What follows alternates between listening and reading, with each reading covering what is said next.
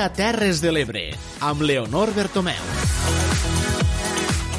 Hola, què tal? Benvinguts un dia més a l'Aldia Terres de l'Ebre. Avui dilluns 25 de maig a les Terres de l'Ebre hem entrat a la fase 2 del pla de desconfinament en el marc de l'alerta sanitària de la Covid-19 i ho fem en un moment en el que podem dir que no hi ha cap pacient per coronavirus ingressat als hospitals ebrencs. Divendres passat es va donar l'alta a l'últim pacient a l'Hospital Comarcal de Mora d'Ebre, un moment molt emotiu recollit en un vídeo i en què el pacient és acomiadat entre els aplaudiments dels professionals sanitaris del centre. Es tracta d'un home de 82 anys, veí de Ginestà, que havia ingressat a l'Hospital de Mora d'Ebre el 15 d'abril. D'allí va ser traslladat a l'Hospital Verge de la Cinta de Tortosa, on s'assistien els malalts de coronavirus a la regió sanitària. El passat 7 de maig va tornar a l'Hospital Mora d'Ebre i finalment divendres passat se li va poder donar ja l'alta hospitalària.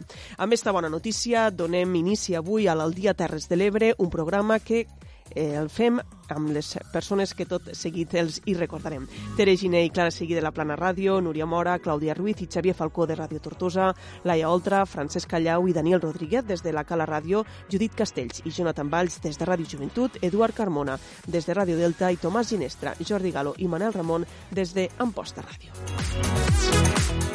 I, com sempre, per començar el programa, repassarem els titulars més destacats d'este dilluns 25 de maig.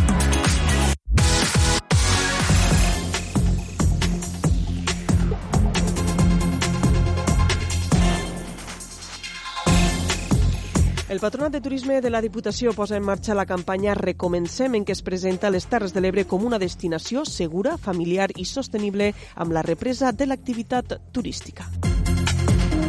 La Mella de Mar també ha presentat la seva campanya turística per aquest estiu sota el lema Sempre a prop teu.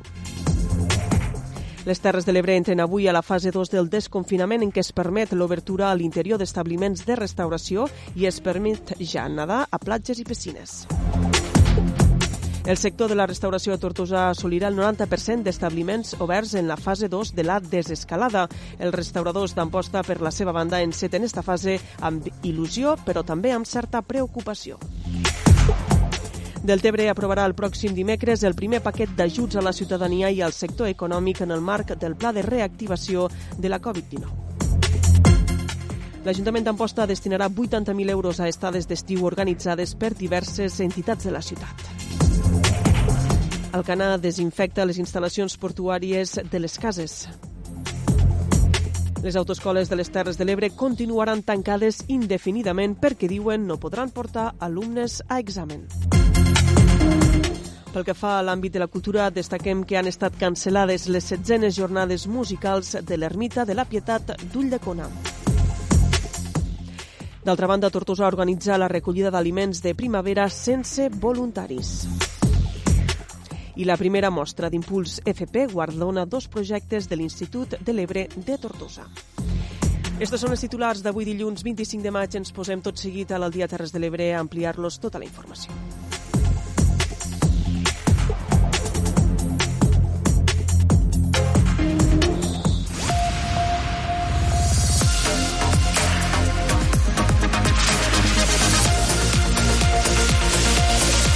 Al dia les notícies de les Terres de l'Ebre.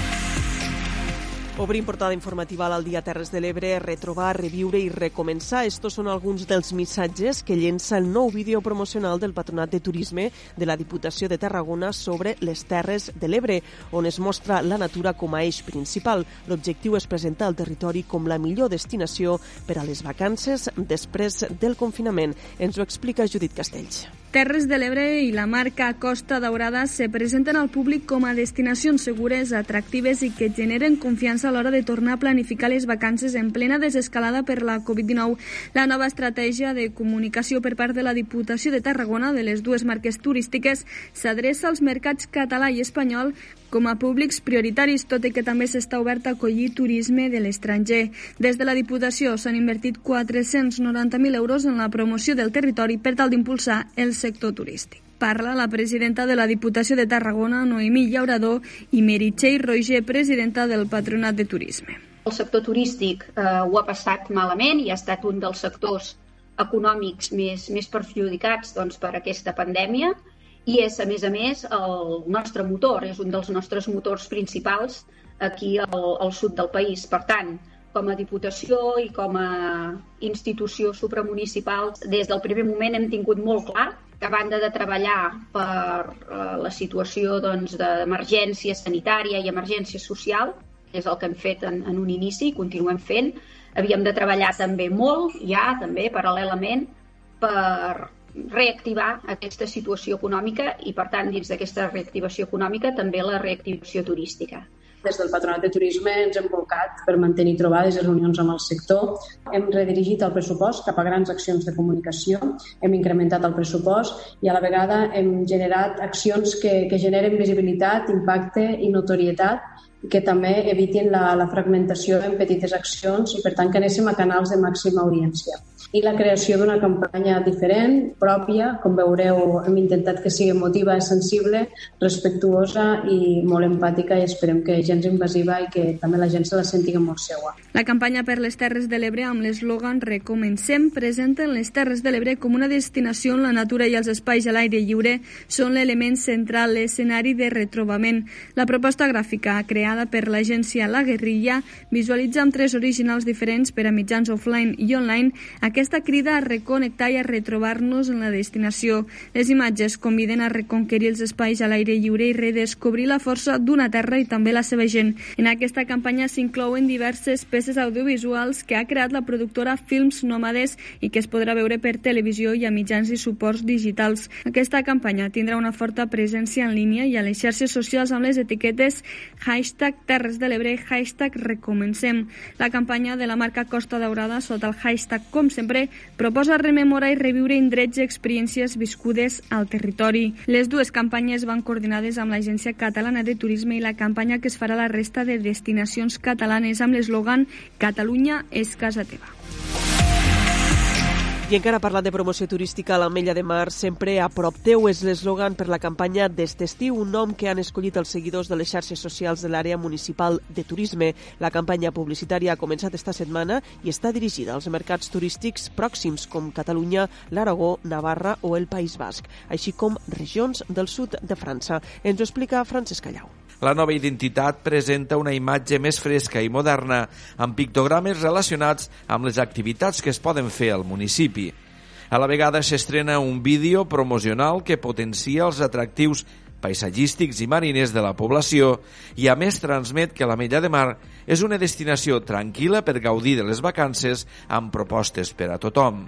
En aquest redisseny de l'estratègia de comunicació i promoció de cara a la propera temporada turística, condicionada, com sabeu, pel coronavirus, s'incrementarà la inversió publicitària que hi ha prevista per enguany. L'Ajuntament reinvertirà part dels diners que s'havien pressupostat en accions que han quedat cancel·lades per l'estat d'alarma amb l'objectiu d'impulsar el sector turístic. Maite Boquera és la regidora de Turisme. Engeguem una campanya de promoció turística degut a la situació que estem vivint en aquests moments del, de la crisi del Covid-19 i que malauradament doncs, durant aquests mesos, aquests darrers mesos no, no han pogut gaudir d'aquest turisme que tant ens identifica com a poble mariner. Han tingut que reajustar el pressupost, a readaptar una miqueta a la situació aquesta del Covid-19 en el qual teníem uns diners destinats a fer unes jornades gastronòmiques, la Fira del Mar, entre altres, eh, entre altres activitats, i que eh, la, ho destinarem al, a les campanyes que ja teníem preparades per a poder potenciar el nostre turisme de proximitat. A banda de la identitat principal, s'han creat dissenys per les marques Experience, adreçada al sector de les activitats nàutiques, Gastronomy, el de la restauració, i Shopping, el del comerç. Precisament els comerciants protagonitzen un vídeo promocional que anima a fer compres a les botigues i establiments del municipi i que es difondrà per les xarxes socials.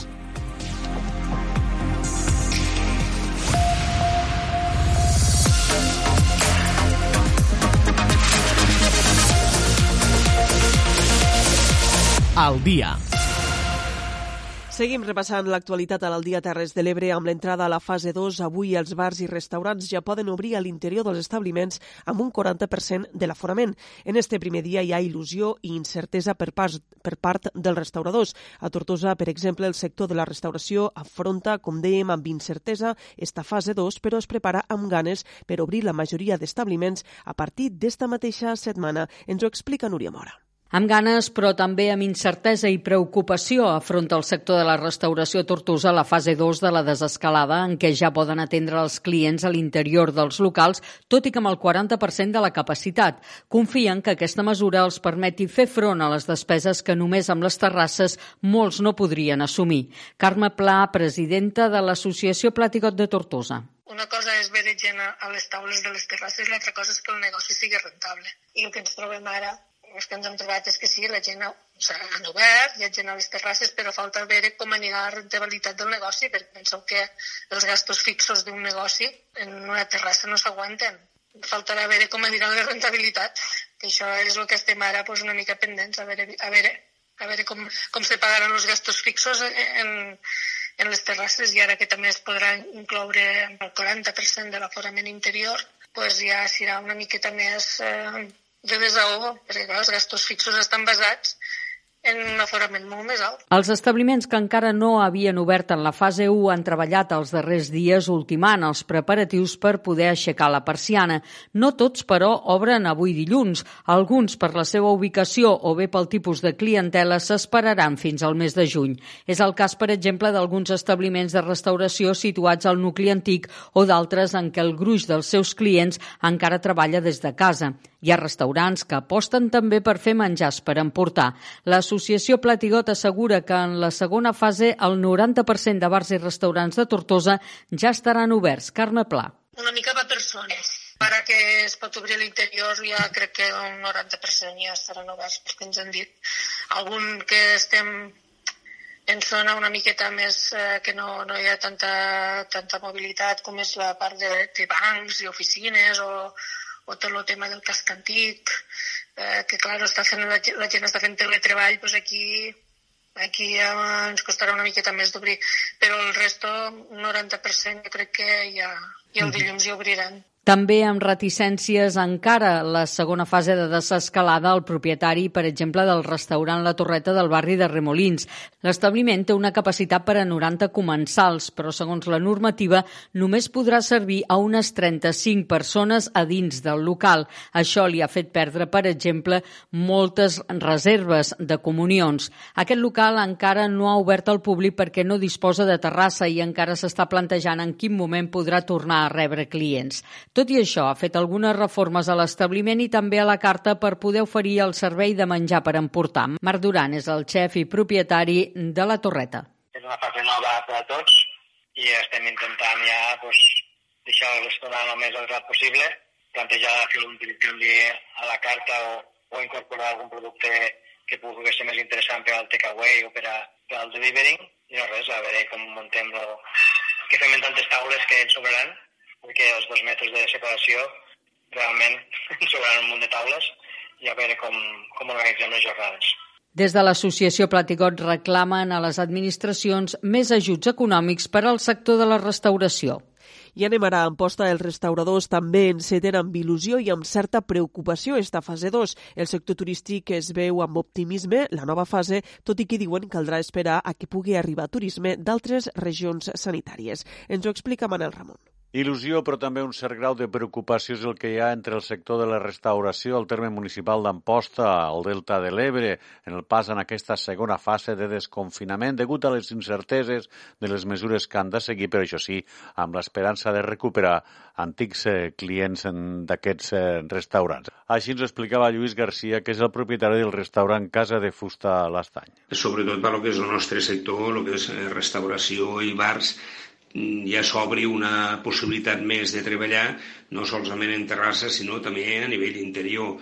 I eh, bueno, eh, hi ha molts de restaurants que estan preocupats per, per, la, per la pròxima apertura, però també al mateix temps tenim la il·lusió de tornar a començar i de que la gent pugui vindre a les nostres cases, bueno, els nostres restaurants, i puguen gaudir d'una estona amb els seus amics, família i companys. Eh, serà una abertura limitada, però almenys en la possibilitat de treballar a l'interior i a l'exterior, que això ens dona un poquet més de marge de maniobra a, a tot el sector.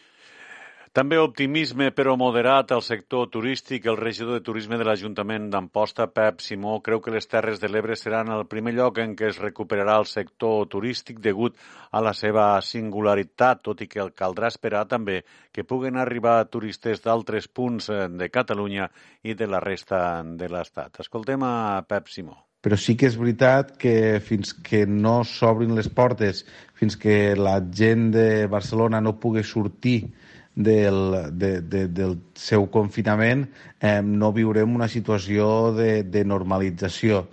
Jo sí crec, o es creu des del sector, que, que, el, que les Terres de l'Ebre seran un dels primers regions eh, que es pugui recuperar turísticament parlant. Eh, pensem que, que el, allò que oferim, eh, allò que, que pots trobar a les Terres de l'Ebre, que és naturalesa, eh, espai lliure, platges, eh, semidesèrtiques eh, ajudaran a atraure a, a, als, als turistes. Molts restaurants i establiments de gastronomia de la ciutat d'Amposta han fet arribar a través de les xarxes als seus clients que avui obrin ja les seves portes. I des d'avui, amb l'entrada a la fase 2, encara que el temps no acompanya, ja està autoritzat banyar-se o prendre el sol a les platges, respectant la distància de dos metres entre banyistes. Francesc Callau ens explica com es preparen municipis com la Mella de Mar, que té una trentena de cales i platges per controlar l'aforament. Doncs, per tal de controlar l'aforament, l'Ajuntament limitarà els accessos a les principals platges, evitant així que es puguin produir aglomeracions. Tanmateix, es preveu la contractació d'agents cívics que informaran als usuaris sobre les normes a seguir. Ho explica l'alcalde de la Mella de Mar, Jordi Gazani. El que es farà és eh, vigilar eh, doncs, que no hi hagi una gran aglomeració. El que farem serà tancar aquesta platja. Eh? I això, doncs, bueno, la gent mos hem d'acostumar que això passarà perquè ho fem per la seguretat de tots. Eh? I això doncs, ho haurem de controlar. És molt més senzill eh, controlar-ho amb una platja com l'Alguer. Té tres accessos i que es pot quedar amb un sol accés que no amb una platja doncs, quilomètrica com se troben en altres llocs. Per això posarem també una sèrie de mitjans. Eh? O sigui, a partir d'allà ja estem treballant pues, amb un reforç de, eh, i d'aquí pues, bueno, que, que, que serveixi també com a anunci per, perquè necessitem gent de la cala que estigui interessada a poder fer, a poder cobrir això. Eh, tres places, em sembla que estàvem parlant d'internatge amb a la policia de reforç, però també estem treballant en eh, crear algunes places també eh, d'ajuda eh, a la policia o que podrien funcionar com a agents cívics eh, doncs, que ens ajudaran també a, a donar suport i a controlar una mica eh, doncs, eh, que tot vaiga bé eh, doncs, esta, esta temporada d'estiu qui també utilitza les platges per fer les seves activitats són les empreses de turisme actiu, que des d'avui dilluns podran fer les seves amb grups de fins a 20 persones. També dir que els hotels i càmpings poden reobrir les zones comunes amb un terç del seu aforament.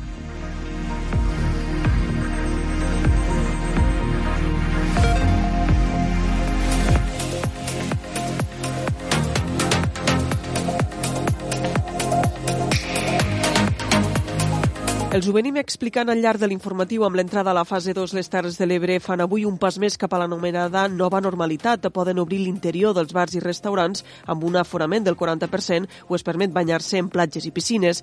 Per saber què podem fer i què no en esta fase 2, saludem ara al responsable de Protecció Civil a les Terres de l'Ebre, Miquel Alonso. Benvingut a l'Aldia Terres de l'Ebre. Bon dia. Moltes gràcies per eh, invitar-me. Ens pots concretar els principals canvis que hi hauria entre la fase 1 i la fase 2 del desconfinament? Abans, per exemple, fèiem referència al fet de que poden obrir bars i restaurants a l'interior, ja que recordem que fins ara només podien obrir terrasses, i el fet també que ens puguem banyar a la platja i a la piscina.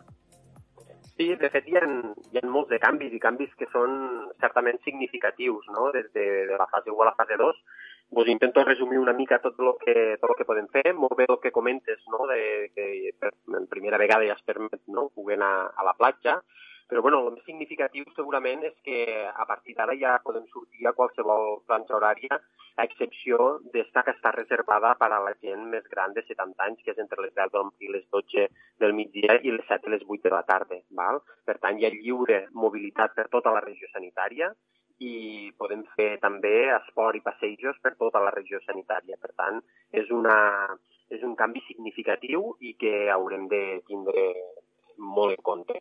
No? També hasta ara se permetien el que són les agrupacions d'hasta 10 persones, però això ha canviat, s'ha incrementat, són hasta 15, hasta 15 persones. En un principi també se pot anar ja a visitar tot el que són la, la, la nostra gent gran a les residències en, en, en mesures restrictives, però bueno, ja es dona l'oportunitat de poder fer aquestes eh, visites, així com, per exemple, una cosa que també és nova no? és la celebració d'enllaços és una cosa que en fase 0 i en fase 1 no estava permesa i ara sí que hi ha en certes mesures també restrictives, no? està menuda del, del BOE, però que ja es poden donar, es poden portar a terme. Eh, què més? Pues, bueno, el tema de la piscina o la platja que comentaves, no? o, o que se pot fer turisme actiu fins a 20 persones a, al llarg de la, de la regió sanitària. Els parcs naturals també, també estan oberts. I després, doncs, bueno, també el tema de les botigues, no? Eh, no tenen ja limitació de superfície, per tant, pot obrir qualsevol negoci, val? sempre en unes eh, exigents mesures d'higiene i de desinfecció, però ja pot obrir tothom. Poden obrir ja també els hotels, les zones comunes dels hotels, no? Espas, gimnasos, també en, en mesures i, com molt bé dies, es pot anar a restaurants i, i cafeteries, tant dins com fora del local. Això sí, hi ha certes mesures restrictives, en aquest cas, no? d'aforament, eh, sobretot dins del local, i que cal estar atents i saber quines són. No? Aquesta lletra menuda que moltes vegades ens queda penjada a, als boes i que només interpretem no? a vegades eh, guiats per infografies o per eh, allò, gent que intenta resumir al màxim el que diu la norma, però és important, eh, sobretot, les persones que estan implicades que es puguen cenyir a, a totes, a comprendre no? i entendre totes les mesures que, que porten inherents no? tots aquests canvis en les fases. Cal estar pendent, ara ho deies, a la lletra petita del BOE, perquè sembla que divendres us vau trobar una petita sorpresa, no? que alguns municipis de les Terres de l'Ebre, doncs de sobte el cap de setmana han pogut estar a la fase esta 1 i mig, no?, de, del desconfinament. Sí. Sí, sí, això va ser tota una sorpresa. També te diré que són qüestions que, que des del punt de vista de gestió de l'emergència eh, mos compliquen una mica no, la situació. Nosaltres haguéssim preferit pues, això, no? Pas, pas, passos de fase eh, complets, la fase 1, la fase 2, si no aquestes situacions intermitges ens trobàvem eh, en el cas este del divendres, dissabte i diumenge, no? que hi havia poblacions de Terres de l'Ebre que podrien obrir, obrir l'interior dels parcs però n'hi havia d'altres que no. no? Eh, llavors aquí això ens deixa sempre en una, en una situació tensa no? I, i que, i que en, en situacions que a vegades se fa molt difícil d'entendre, que per exemple eh, l'ampolla pogués obrir bars i restaurants a l'interior, però Camarles, que està al costat, per un tema de densitat de població no ho pogués fer.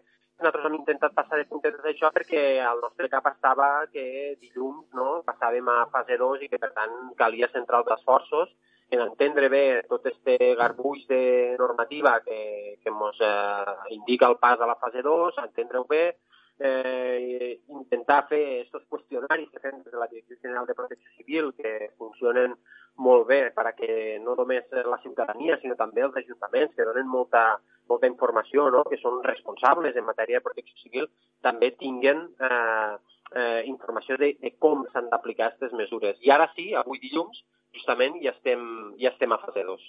Avui dilluns estem en fase 2, eh, sense concretar calendaris, perquè sé que és molt difícil de preveure, però quins passos ens queden a les Terres de l'Ebre per, per arribar al desconfinament total? Quins passos ens quedarien per fer? En un principi, ara, el que hauríem d'estar, segons eh, el plan de transició hacia la nova normalitat que va aprovar el govern d'Espanya, eh, en un principi ara hauríem d'estar 15 dies, val? dues setmanes, en, en esta situació de fase 2, val? i després, eh, si tot anés a bé, els indicadors eh, fossin, fossin correctes, tal com ha d'anar, no tenim cap rebrot, no tenim cap repunt, sobretot del tema de l'àmbit sanitari, no perquè mai de vista que la gestió de la crisi, la crisi és una crisi sanitària, per tant, hem de tindre sempre la vista posada en, en, la, en la qüestió sanitària. Val? Si els indicadors són bons, d'aquí dues setmanes, que estaríem parlant de la setmana del 8 de, eh, de juny, no? el dilluns 8 de juny, hauríem de passar a la fase 3 en encara trobaríem una relaxació no? més d'aquestes mesures que seria aquesta última fase abans d'entrar a, la, a la situació de nova normalitat. Això és el que, el que diu el pla de transició, però l'experiència no, de, de la gestió de tots aquests mesos que portem és que fins que no sortirà publicat al BOE quines són les mesures i quines són aquestes situacions, doncs no, no, podem, no podem avançar res. No? Fixeu-vos, aquestes fases 0,5 o 1,5 no? que ens hem trobat a mitjà i que ningú teníem contemplat i al final han estat una realitat. No? Pues, per tant, el més important ara és anar pas a pas i, i tindre sempre les coses molt clares i aplicar molt, molt el sentit comú i sobretot fer cas de les mesures que ens marquen. Per tant, si tot va com ha d'anar, per dir-ho així, ens podríem trobar a finals de juny, principis de juliol, ja totalment desconfinats. Eh, sí, sí, sí, esta seria la situació. El que ens eh, falta aquí és una, és una variable, no?, que és eh, passar a la fase 3 en el que ens trobarem, si tornarem a la normalitat que coneixíem o quines seran les coses que han de canviar. Val? I, i han de canviar perquè, perquè sí que és veritat que tenim juliol, agost, setembre per davant, però a partir d'octubre tenim una altra època en eh, el risc sanitari és més alt, tornarem a tindre nova, nova, nous episodis de grip, no? I, i cal estar molt atents en això. Segurament una de les eh, coses que, que ja hem incorporat al nostre dia a dia i que haurem de continuar utilitzant és la mascareta. Eh, ja hi ha obligatorietat d'ús d'esta mascareta. Si ens pots aclarir quan s'ha d'utilitzar i quan no, quan, quan l'hem de portar, perquè hi ha alguns dubtes no? sobre quan és obligat portar-la. Doncs pues mira, l'obligació, segons el que diu la norma, és que eh, s'ha de portar sempre que se surt al carrer o a l'espai a l'aire lliure o en un recinte tancat. Però eh, te diu que l'obligatorietat és sempre i quan no es pugui mantenir la distància eh, de seguretat interpersonal de dos metres. Això vol dir que si sortim a passejar normal i no mostrarem a ningú, o si mostrarem a algú, podem, eh, podem estar a més de dos metres de distància, no és obligatori portar la mascareta. Però, en canvi, si anem a, a fer una compra, a comprar al supermercat, quan sigui, i allí és difícil mantindre les distàncies, no? passadissos, eh, és, és, és, és complicat, llavors allí sí que és obligatori portar la mascareta. Jo el que vos recomanaria és que eh, qualsevol sortida que féssim a, a fora sempre portar una mascareta damunt, val? i en aquella acció que anéssim a fer, que veiéssim que no eh, se pot garantir la distància de seguretat, portar-la, estiguéssim a l'aire lliure o en un, o en un establiment, una zona tancada. Perquè a vegades sí que es fa difícil en, en poblacions menudes on pràcticament no et trobes a gent pel carrer, doncs aquesta obligatorietat de dur la mascareta no queda, ben, no queda clara. Sí, sí, sí, no? perquè hi ha situacions, sobretot el que tu comentes, no? de pobles menuts, en què sempre, pràcticament sempre, és possible guardar la distància de, de seguretat. Per tant, tot i que hi ha una obligació, la norma és molt clara. Te diu, hi ha l'obligació sempre i quan no es pugui garantir aquesta distància. Si es pot garantir, per tant, no cal portar la mascareta. Per això és, és, eh, és important comprendre que la mascareta no és que sigui obligatòria portar-la sempre, sinó que és obligatòria portar-la si no se pot guardar la distància de seguretat interpersonal, que és eh, d'aproximadament dos metres. Deixem ara de banda l'alerta sanitària de la Covid-19. Avui és un dia plujós a les Terres de l'Ebre després d'uns dies de moltíssima calor, però el que sí està clar és que estos darrers mesos han estat eh, plujosos a, les Terres de l'Ebre, amb pluja abundant, en especial al mes d'abril. Ho diuen així les dades, també? Sí, sí, sí. De fet, tenim, eh, venim de, no, de passar el temporal glòria al mes de gener, vam tindre un febrer relativament en més pluges de lo, de lo habitual, però és que ens hem trobat en un març i en un abril no? molt, molt, molt plujós, d'estos que s'han superat eh, rècords, inclús, per exemple, miràvem l'altre dia l'estació de, del Meteocat d'Amposta, no? que va registrar al mes d'abril eh, un rècord pel que fa a pluja acumulada per, per este mes. No? I sí, hem tingut, eh, hem tingut zones on s'ha acumulat moltíssima aigua al Parc Natural dels Ports. Hem acumulat pràcticament en tres mesos, en els primers tres mesos de l'any, al Parc Natural dels Ports vam acumular pràcticament 1.000 litres, que és el doble del que, del que s'acostuma a recollir en un any eh, clar, la situació ara de cara a la primavera pues, eh, és molt bona i, i sí, és una aigua que és, que és, que és molt necessària, ja tots sabem d'on veníem, no? Una sequera acumulada, molta vegetació, molt de risc d'incendi forestal i per tant ara està tota aquesta precipitació d'estos últims mesos passats i està que està caient avui, per exemple, doncs ens va molt bé perquè això va endarrerint tot el que serà l'inici de la campanya forestal. Ara mateix una... l'anava a preguntar, no? és a dir, de, després d'esta primavera plujosa, quin estiu es preveu a nivell de risc d'incendis? Ah, això és com una navalla no? de doble fil, perquè sí que és veritat que la vegetació a, a hores d'ara té molt de contingut d'aigua i està molt verda i per tant és molt difícil que creme, però també la fa créixer molt més, no? I, i el fet de que eh, si heu anat a caminar per la muntanya i això, us podeu donar compte que el fet este de que del confinament no? ha fet que moltes senderes, molts de camins, hagi crescut moltíssim la vegetació herbàcia i pràcticament eh, hagi tancat aquests camins i tot això. Això què significa? Que quan se secarà, tota esta, tota esta vegetació, hi haurà molt combustible disponible, val? si no es fa una gestió de tot això.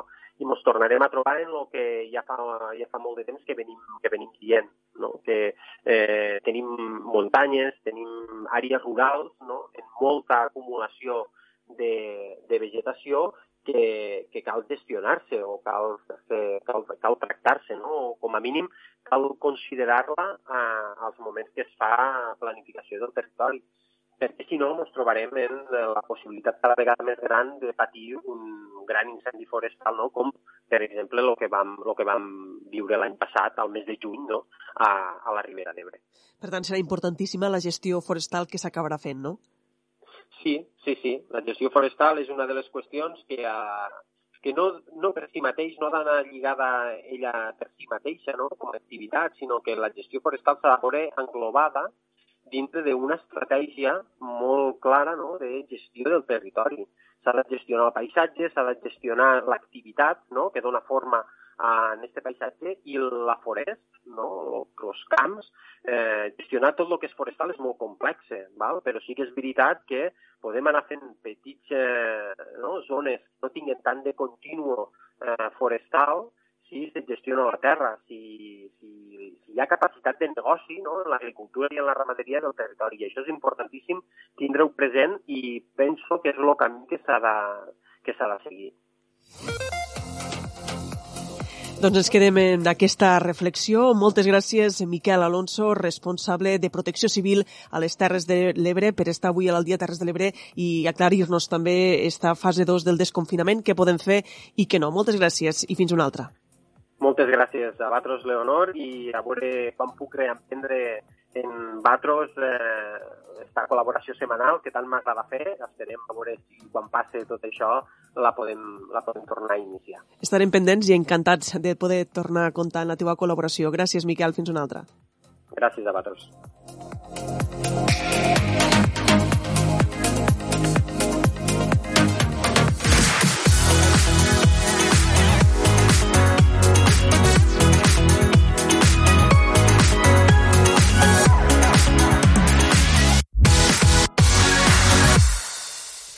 Reprenem ara el fil de l'actualitat a l'Aldia Terres de l'Ebre. Anem en primer lloc a Deltebre. L'Ajuntament aprovarà en una sessió plenària el pròxim dimecres la primera bateria d'ajuts a la ciutadania i al sector econòmic en el marc del Pla de Reactivació Socioeconòmica. Segons ha avançat l'alcalde Lluís Soler, s'ha doblat la dotació dels ajuts d'urgència social fins als 40.000 euros amb la introducció de nous conceptes com l'ajut a la connectivitat i els ajuts als recursos assistencials en l'àmbit de l'educació i el lleure.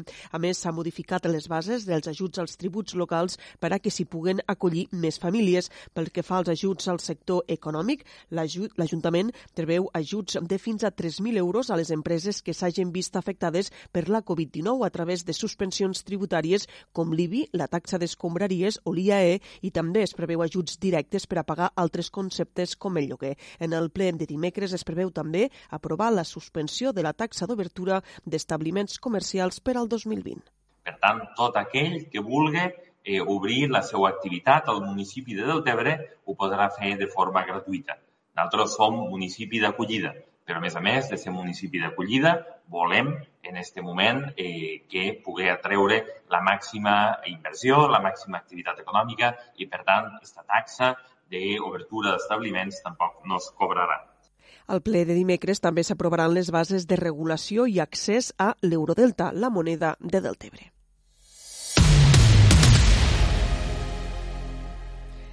Anem ara fins a Amposta, ja que l'Ajuntament destinarà 80.000 euros a estades d'estiu organitzades per diverses entitats de la ciutat. Este nou model substituirà les estades municipals. Ens informa Manel Ramon.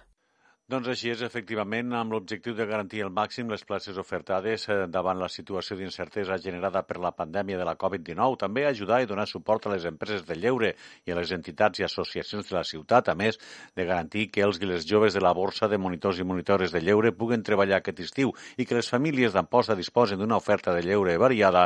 L'Ajuntament d'Amposta destinarà aquests 80.000 euros per a subvencionar entitats i empreses de lleure que facin estades d'estiu. Aquesta seria una de les iniciatives que es prenen també des de la Regidoria de Joventut i Participació Ciutadana per tal de que els joves puguen gaudir aquest estiu d'aquestes estades, tot i que no les organitza l'Ajuntament d'Amposta en un model que és únic a les Terres eh, de l'Ebre. Així ho explicava Adam Tomàs. Unes subvencions que estiran al voltant de 4.000 euros per entitat i que possibilitarà que cada entitat pugui fer estades d'estiu, assumint també aquests xiquets i xiquetes que des de l'Ajuntament aquest any no, no, no, no farem. Mm -hmm. Per tant, al final és allò, no? és un win-win. És a dir, nosaltres fiquem diners a disposició d'aquestes entitats perquè puguen aguantar econòmicament i fer estades, però a la vegada dotem a la ciutat d'un ventall d'estades d'estiu vinculades a entitats esportives, a acadèmies d'anglès, a entitats musicals, eh, bueno, a entitats del lleure, no?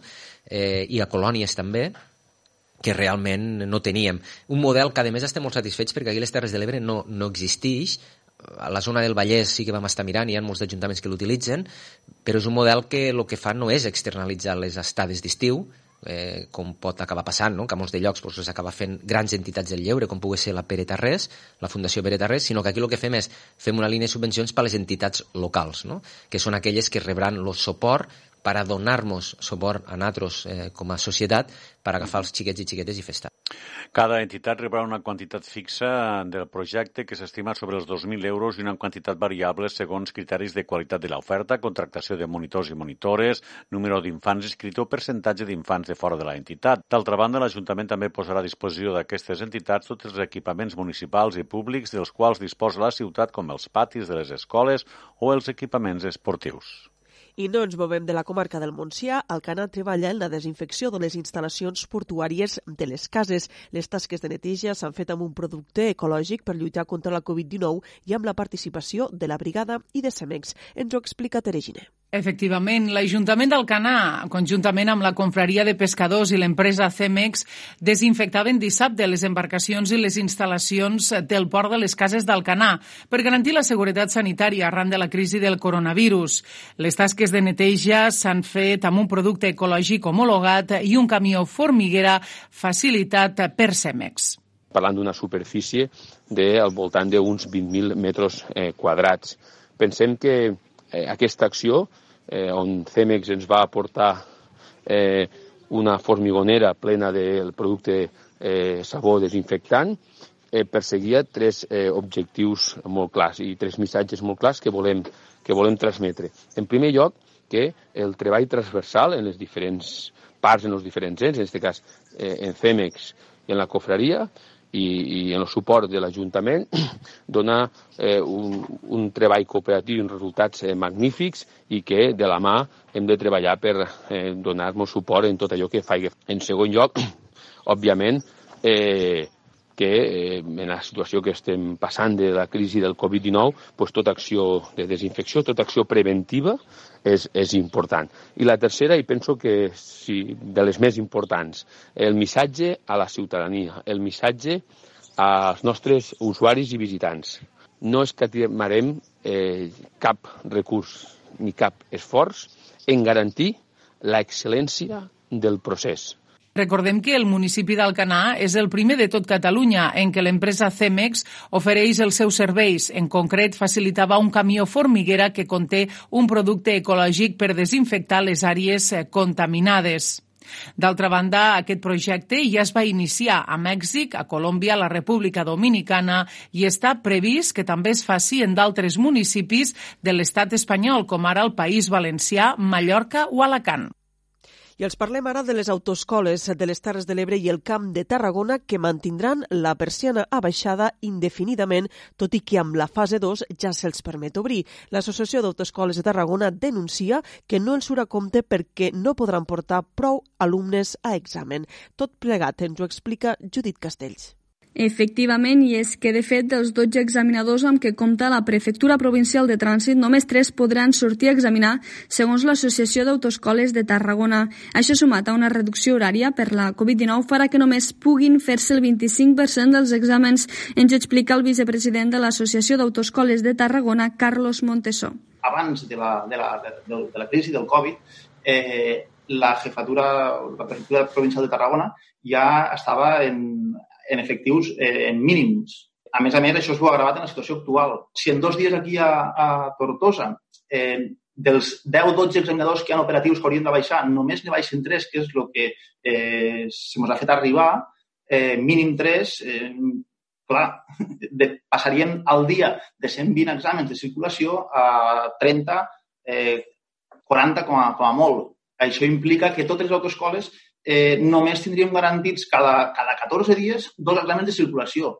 A més, les autoscoles viuen amb incertesa la situació provocada per la Covid-19 i critiquen el desgavell normatiu que suposen les publicacions al BOE hores abans d'entrar en vigència en el seu contingut.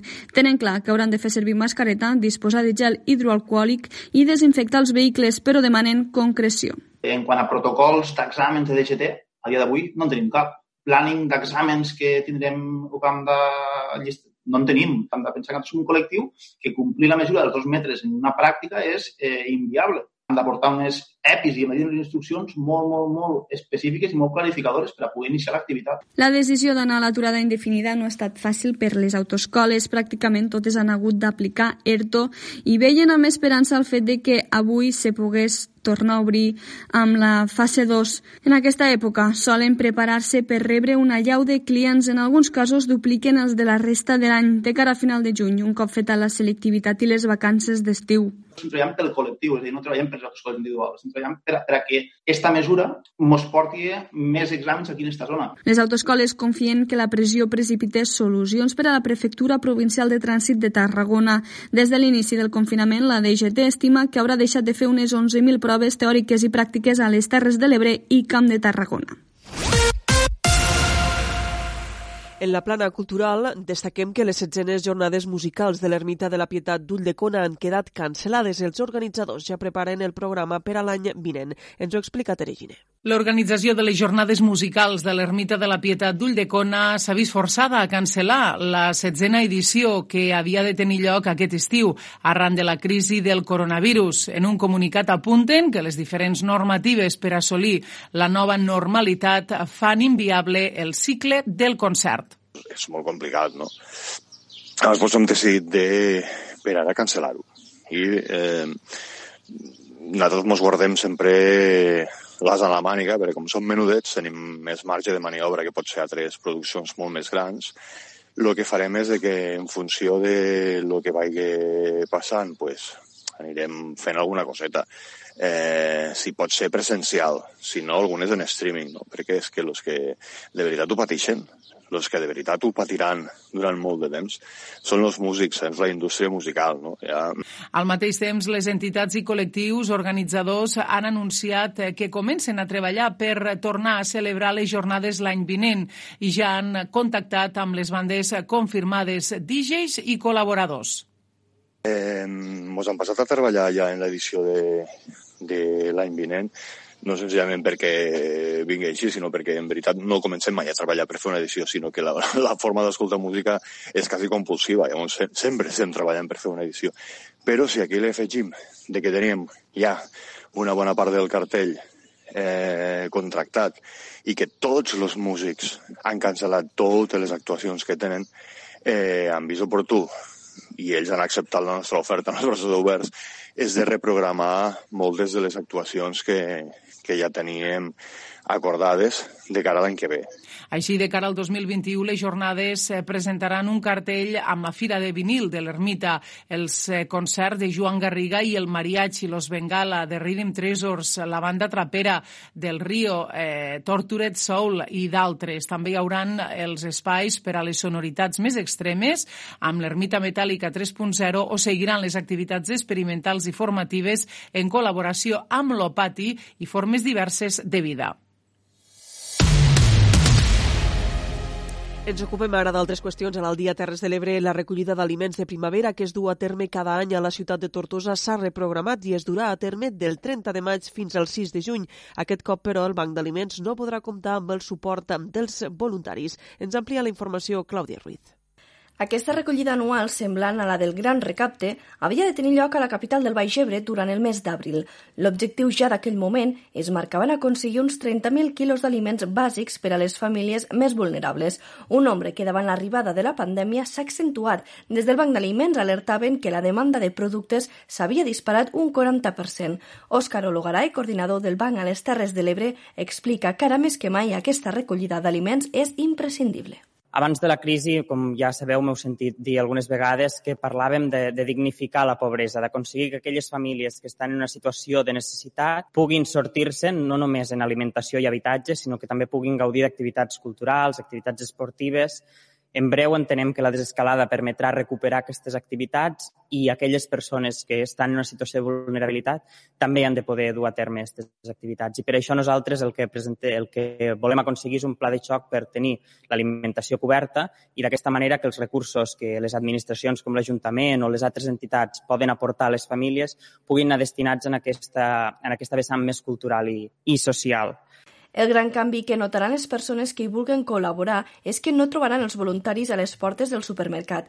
Les actuals mesures per evitar la propagació del virus dificulten aquesta tasca. En el seu lloc s'hi trobaran amb maniquís. Així, el Banc d'Aliments vol fer visible la tasca essencial dels centenars de voluntaris eh, quan s'entri al, al supermercat es trobarà un maniquí amb un, amb un peto del Banc dels Aliments que una mica el que cridarà és a fer aquesta participació i a posar en valor la, la tasca del voluntariat. L'eslògan de la campanya és el voluntariat no hi podrà ser, però la necessitat sí que hi és. I ara més que mai és imprescindible poder donar aliments perquè hi ha molta necessitat. Com hem comentat, augmenta aquesta necessitat en un 40% i estem segurs que si no seguim treballant en, en la línia de poder reduir-ho, d'aquí uns mesos aquesta necessitat serà encara superior. Per contrarrestar l'absència d'aquest voluntariat, la recollida s'allargarà a tota una setmana del 30 de maig al 6 de juny. Com en cada una d'aquestes campanyes, la crida fa referència a aliments de primera necessitat com són l'oli, la llet, llegum cuit i conserves. I mantenim línia amb Ràdio Tortosa i amb Clàudia Ruiz, ja que més de 1.500 alumnes de formació professional van reunir-se telemàticament en la primera mostra Impuls FP, que va tindre lloc del 12 al 14 de maig. Enguany han estat guardonats amb dos projectes de l'Institut de l'Ebre.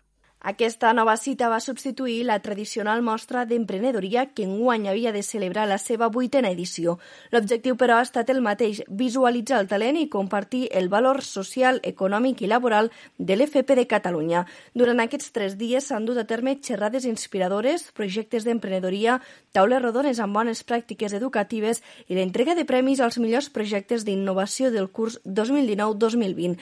En aquesta categoria i en primera posició hi va quedar el projecte de pipa, un robot que controla la qualitat de les canonades d'aigua. El projecte ha sorgit a través d'un conveni de col·laboració amb l'empresa ebrenca AmiBlue.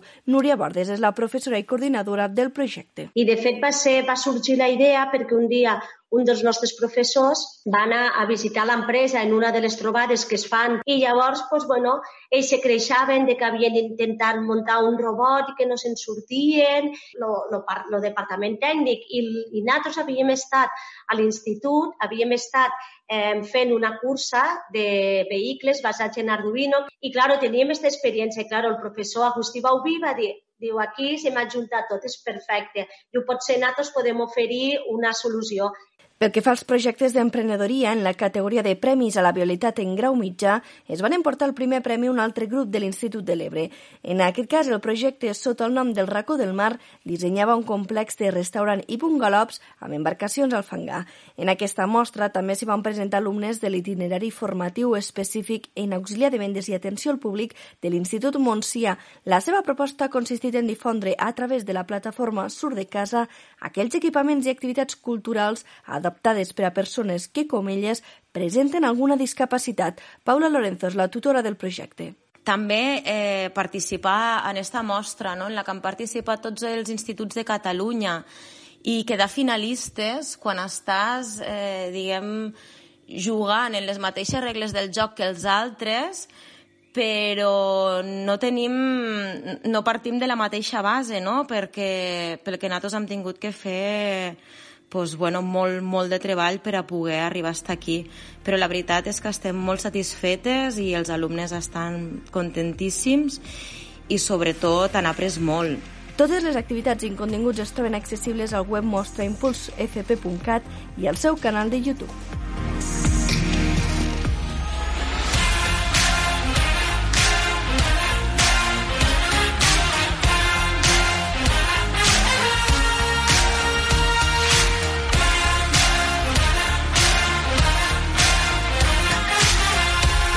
Al dia. Els esports de les Terres de l'Ebre. Anem ràpidament a la informació esportiva. Ernest Cid començarà una nova etapa la temporada vinent a la Rapitenca com a segon entrenador i preparador físic. És una crònica de Clara Sigui. El planer Ernest Cid serà el segon entrenador i preparador físic al primer equip de la Rapitenca. D'entrada semblava que s'incorporaria al futbol base de Tortosa, però finalment ho farà el club Rapitenc, el seu primer equip, al costat de Ramon Sancho. Segons informen al diari Més Ebre, Ernest és graduat en Ciències de l'Activitat Física i l'Esport per l'INEFC de Lleida. Té un màster en formació de professorat de secundària i per l'INFC Barcelona i és entrenador de nivell 2 UEFA A. Va ser coordinador, a més, de futbol base per la Federació Catalana i actualment està estudiant el màster del rendiment d'esports col·lectius per l'INFC Barcelona. Va entrenar el futbol base de Santa Bàrbara i en dues etapes va ser assistent i preparador físic al primer equip de Santa Bàrbara amb Joan Subirats i Parra. Va estar al juvenil A i B de l'Atlètic Segre a l'Escola de Tecnificació del Barça Lleida, a l'Escola de Tecnificació del Barça del Tebre, al campus d'estiu del Barça Estats Units, Texas i Califòrnia, entrenador de futbol base del Bayamon David Villa Soccer Academy a Puerto Rico, així com assistent del primer equip en Delphi Ferreres. D'altra banda, va col·laborar en l'Acadèmia de David Villa de Corea del Sud i el Manhattan Kickers de Nova York i va ser entrenador del campus Aràbia Saudí en la Barcelona Soccer Youth Academy. La Rapitenca incorpora així un tècnic amb un ampli currículum i que ara arriba amb molta il·lusió per poder aportar la seva feina en la dinàmica de treball d'aquest equip.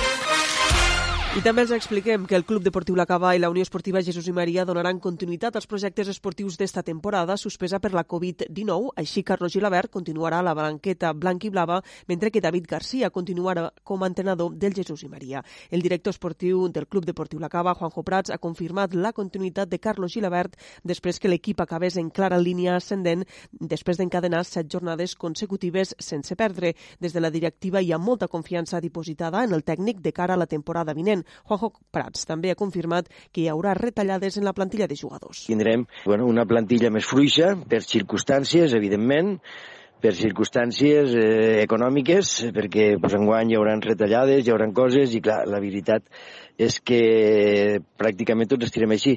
Però bueno, el Club Deportiu Cava seguirà fent futbol, seguirà tenint un equip competitiu per a poder estar als primers llocs de la classificació, almenys eh, ho intentarem. La Unió Esportiva Jesús i Maria també donarà continuïtat al seu projecte amb la renovació del tècnic David Garcia i amb la continuïtat de la major part de jugadors de la plantilla. Així ho ha confirmat el mateix entrenador. Pocs canvis, algun canvi hi haurà, però ja et dic, pràcticament podem dir que el 90-95% de la plantilla renovarà o ha renovat perquè hem estat parlant en ells, no hi ha hagut cap jugador que ha dit que no vulgui continuar. Segurament pues, un parell d'incorporacions les poden haver, sempre les llans, sempre va bé tenir alguna, alguna, algun jugador que pugui, que, que, que pugui augmentar el nivell de, de l'equip, però bueno, bàsicament és donar continuïtat en aquest projecte. Amb la informació esportiva arribem al punt final d'esta primera hora de l'Aldia Terrestre.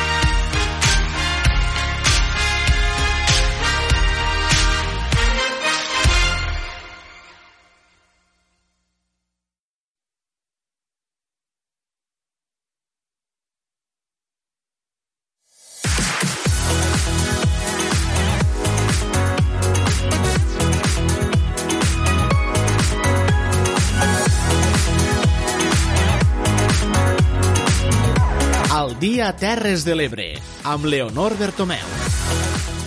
Dos de la tarda i quatre minuts, benvinguts a la segona hora de l'Aldia Terres de l'Ebre. Ja tornem a ser aquí amb més continguts. A la secció de Poble en Poble anirem fins a Deltebre i també parlarem de l'inici de la campanya de pesca de la Tonyina Roja que comença tot just avui dilluns. A més, com tots els dilluns, anirem també d'excursió amb el nostre col·laborador Joan Moises. Així que no perden la sintonia de l'Aldia Terres de l'Ebre. Ja saben que ens poden seguir a través de la Plana Ràdio, Ràdio Joventut, Ràdio Tortosa, la Cala Ràdio, Ràdio Delta i Amposta Ràdio. Abans de començar esta segona hora, repassem els titulars més destacats d'avui dilluns 25 de maig.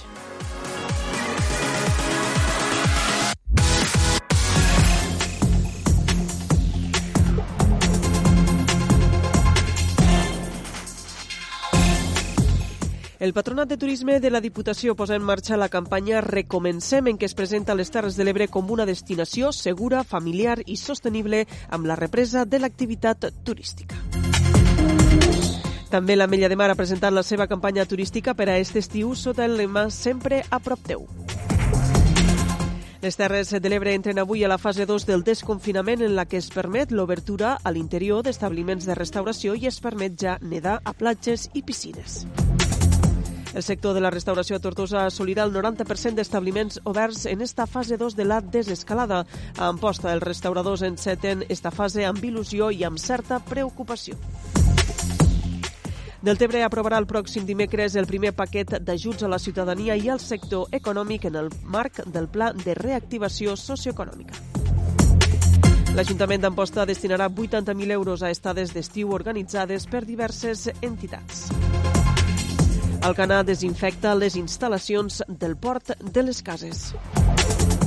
Les autoscoles de les Terres de l'Ebre continuaran tancades indefinidament perquè diuen no podran portar prou alumnes a examen. Un titular de l'àmbit de la cultura ha cancel·lades les setzenes jornades musicals de l'Ermita de la Pietat d'Ulldecona. També destaquem que Tortosa organitza la recollida d'aliments de primavera sense voluntaris. I la primera mostra d'Impuls FP guardona dos projectes de l'Institut de l'Ebre de Tortosa.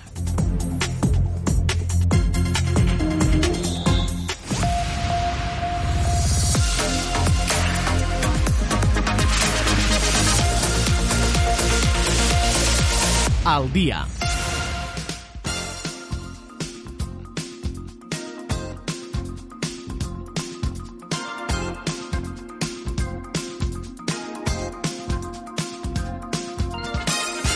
Comencem esta segona hora del, del programa amb la secció d'en Poble en Poble. Marxem ara fins a Deltebre, un motiu de la Fira Gastronòmica Mescla. Eduard Carmona ha parlat amb el president de l'Associació d'Empreses d'Ecoturisme del Delta de l'Ebre, Josep Bertomeu. Este cap de setmana, Deltebre hagués celebrat la Fira Gastronòmica Mescla, una fira que els últims anys s'ha convertit en referencial del sector i que no s'ha pogut celebrar a causa de l'estat d'alarma provocat per la Covid-19 un estat d'alarma que ha provocat un daltabaix considerable en el sector turístic de tot el país. Ens interessa saber quin és l'estat de la qüestió a Deltebre i també per extensió a tot el Delta. I és per això que avui contem amb la presència de Josep Bertomeu, president de l'Associació d'Empreses d'Ecoturisme del Delta de l'Ebre. Hola, bon dia. Avui t'hem portat per a parlar una mica de tot això que mos afecta i mos afecta tant, no?, a unes terres com les nostres, com és eh, la, la pandèmia provocada per la Covid-19.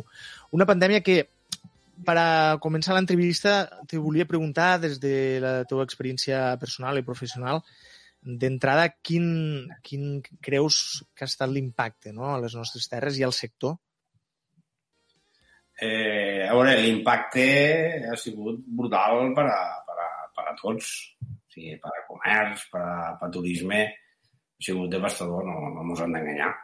Eh, sí que ara se poden treure lectures positives de tot això, però l'experiència ha sigut de, una cosa el que esperàvem al principi, que podria ser, bueno, 15 dies, 20 dies, però claro, portem dos mesos i, i s'està fent bastant dur, la veritat dos mesos d'impacte, de, de no poder fer res, no? que segurament han agafat una mica per sorpresa a, a la majoria de les empreses. Eh, és a dir, ningú s'esperava que la cosa pogués durar tant.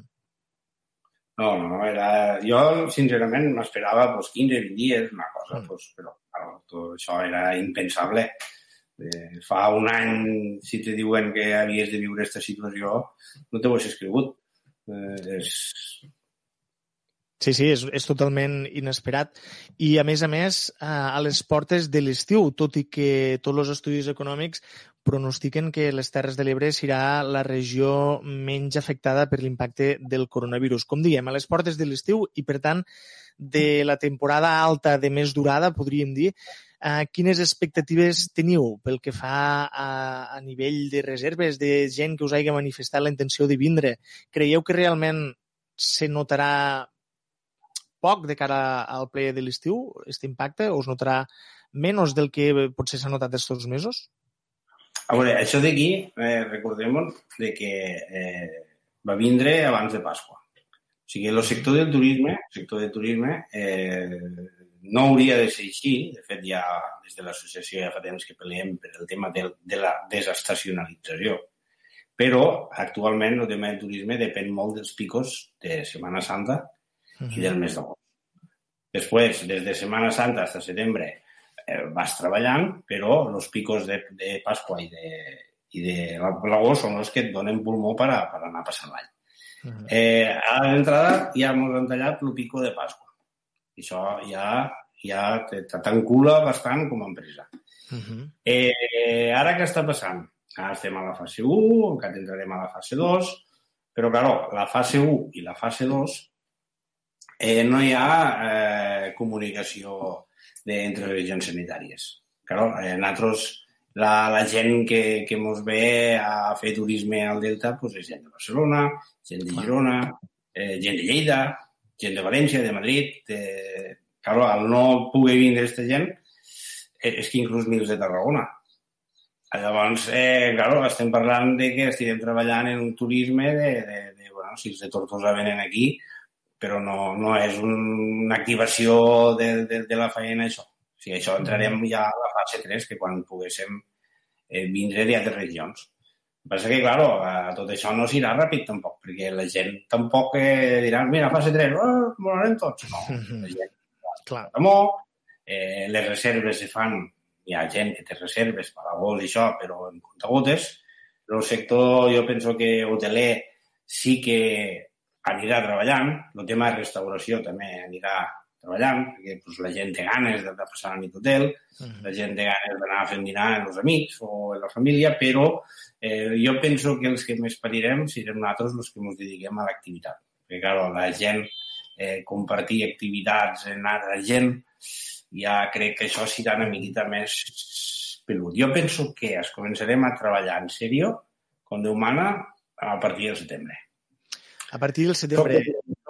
Soc, pessimista, eh? Vull dir, no, no, no... Però esos són els càlculs. No? Jo penso que a l'agost ja es començarà a moure, però que es començarem a treballar una miqueta ja en confiança a partir del setembre. Tot i així, ara se parla també d'alguns medicaments que servirien per tractar, rebaixar la càrrega viral de, de la Covid-19 i, per tant, uns medicaments que permetrien potser fer vida pràcticament normal no? i no córrer tant de risc si, si, si agafes la, la malaltia. En tot cas, suposo que això també, clar, seria com una, una bocanada d'aire fresc, no?, si això arribés a produir-se. Ui, això seria, això seria com... Això seria com el gol de, de Sergi Roberto contra, contra el París Saint-Germain a l'últim minut, seria.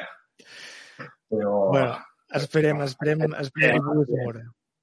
Esperem.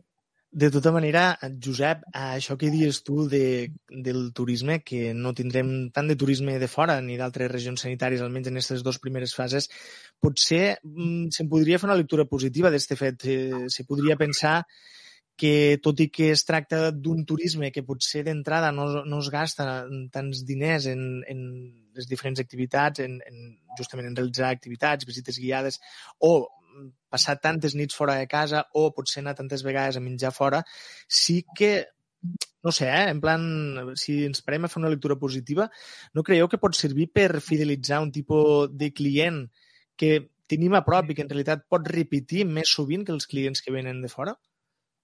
Sí, lo, lo, de fet és el turisme nacional el que ens pot arribar a salvar la campanya nacional. Moltes vegades, inclús a l'hora de fer promoció, sempre tendim a pensar oh, pues los, los inglesos, els alemans, els francesos... I a vegades sí que és veritat que el turisme nacional pues, com a que eh, no l'han tingut massa en compte, no? Uh -huh. Però ara jo penso que és el moment de dir, eh, el turisme nacional és el que ens ha de salvar i, i el turisme nacional és el que tenim a prop, el turisme nacional és el que un cap de setmana se pot allargar aquí a passar el cap de setmana o a passar quatre dies. I, i també lo, la gent del país també està veient que eh, a l'hora de fer vacances potser en vez d'anar molt a destinacions estrangeres doncs potser val la pena estudiar el nostre país i conèixer-lo i, i evidentment el Delta de l'Ebre és un dels espais a conèixer molt importants i jo crec que en aquesta part, jo, jo penso que el Delta de l'Ebre serà una destinació que una vegada s'obri això rebrà bastant rebrà, per exemple, molt més que, que altres destinacions que, uh -huh. que tenim a prop, com Salou o com Benicarló, sí, sí. que esto ja serà més...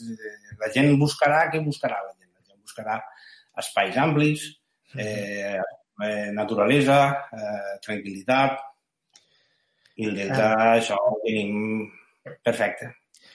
Sí, per tant, caldrà treballar en, en una visió de futur i també eh, gestionar-ho de manera que no col·lapse o que no evolucione cap a altres formats de turisme, no? com ara has parlat de Salou, que és un model de turisme que en ells us funciona i que aquí moltes vegades s'ha tingut tentació d'imitar o de portar-lo com un model d'èxit, quan en realitat les característiques no, de, del nostre territori fan que justament puguem tindre grans èxits eh, explotant-lo d'una altra manera, és a dir, explotar-lo sense explotar-lo, no podríem dir. Nosaltres, des de l'associació nostra, eh, ho hem tingut clar sempre. O sigui, nosaltres som una associació d'empreses que per a nosaltres el parc natural és una oportunitat de negoci uh -huh. i no és un problema. Eh, nosaltres creiem en el turisme sostenible, però no com a una paraula que ara utilitza tothom, no? com algo de veritat. O sigui, el turisme sostenible és el que garanteix que els nostres espais naturals se conserven i que els nostres fills també els puguen disfrutar de la mateixa manera que nosaltres. Uh -huh. eh, hi ha models que això no ho permetrien, que el mateix turisme t'obligaria a canviar infraestructures, inclús a canviar paisatges. Uh -huh. eh, això hem de parar compte, hem de parar compte perquè a vegades eh, ens pensem que tot vale i no, i no, tot vale no. O sigui, hi ha coses que no són compatibles en unes altres. Uh -huh. ¿Vale? ¿Ya puesto para todos? No, no hi ha puesto para tots. O sigui, hi ha puesto para, para el que hi ha. I si nosaltres volem crear un model turístic eh, sostenible, té que ser sostenible, no podem ficar eh, motos d'aigua pel riu.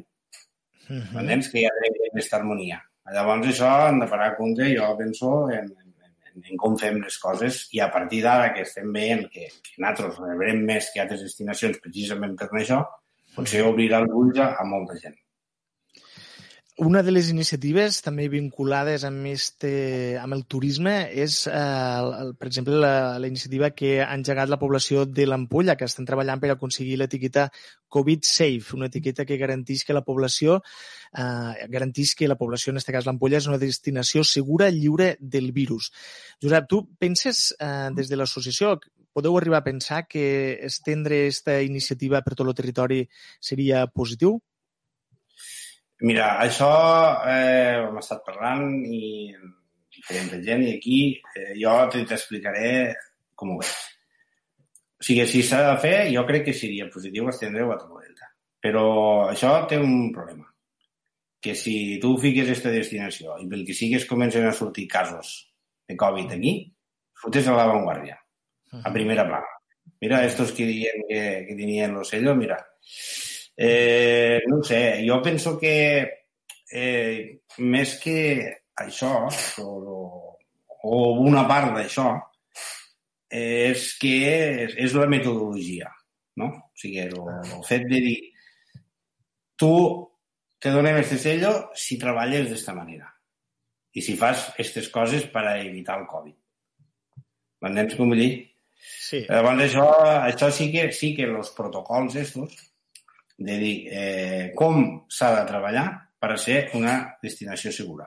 Són els que s'haurien d'aplicar. Però en tot això, pensa una cosa, quan vindran els turistes aquí, i nosaltres diem que som un puesto segur, ¿vale? però uh -huh. quan entren pel carrer Oles de l'Ebre, o quan la gent va pel cotxe, claro, si imagina't que tu vas, ets turista, vens a un lloc que és destinació segur i, eh, i no veus que la gent local se comporta d'esta manera. Uh -huh. Diguem, les terrasses que no estan als dos metres o... Uh -huh. Claro, eh, condiciones molt tot. És, és una mica... Jo ho veig positiu, però ho veig eh, complicat i ho veig perillós. Però bueno, ojalà.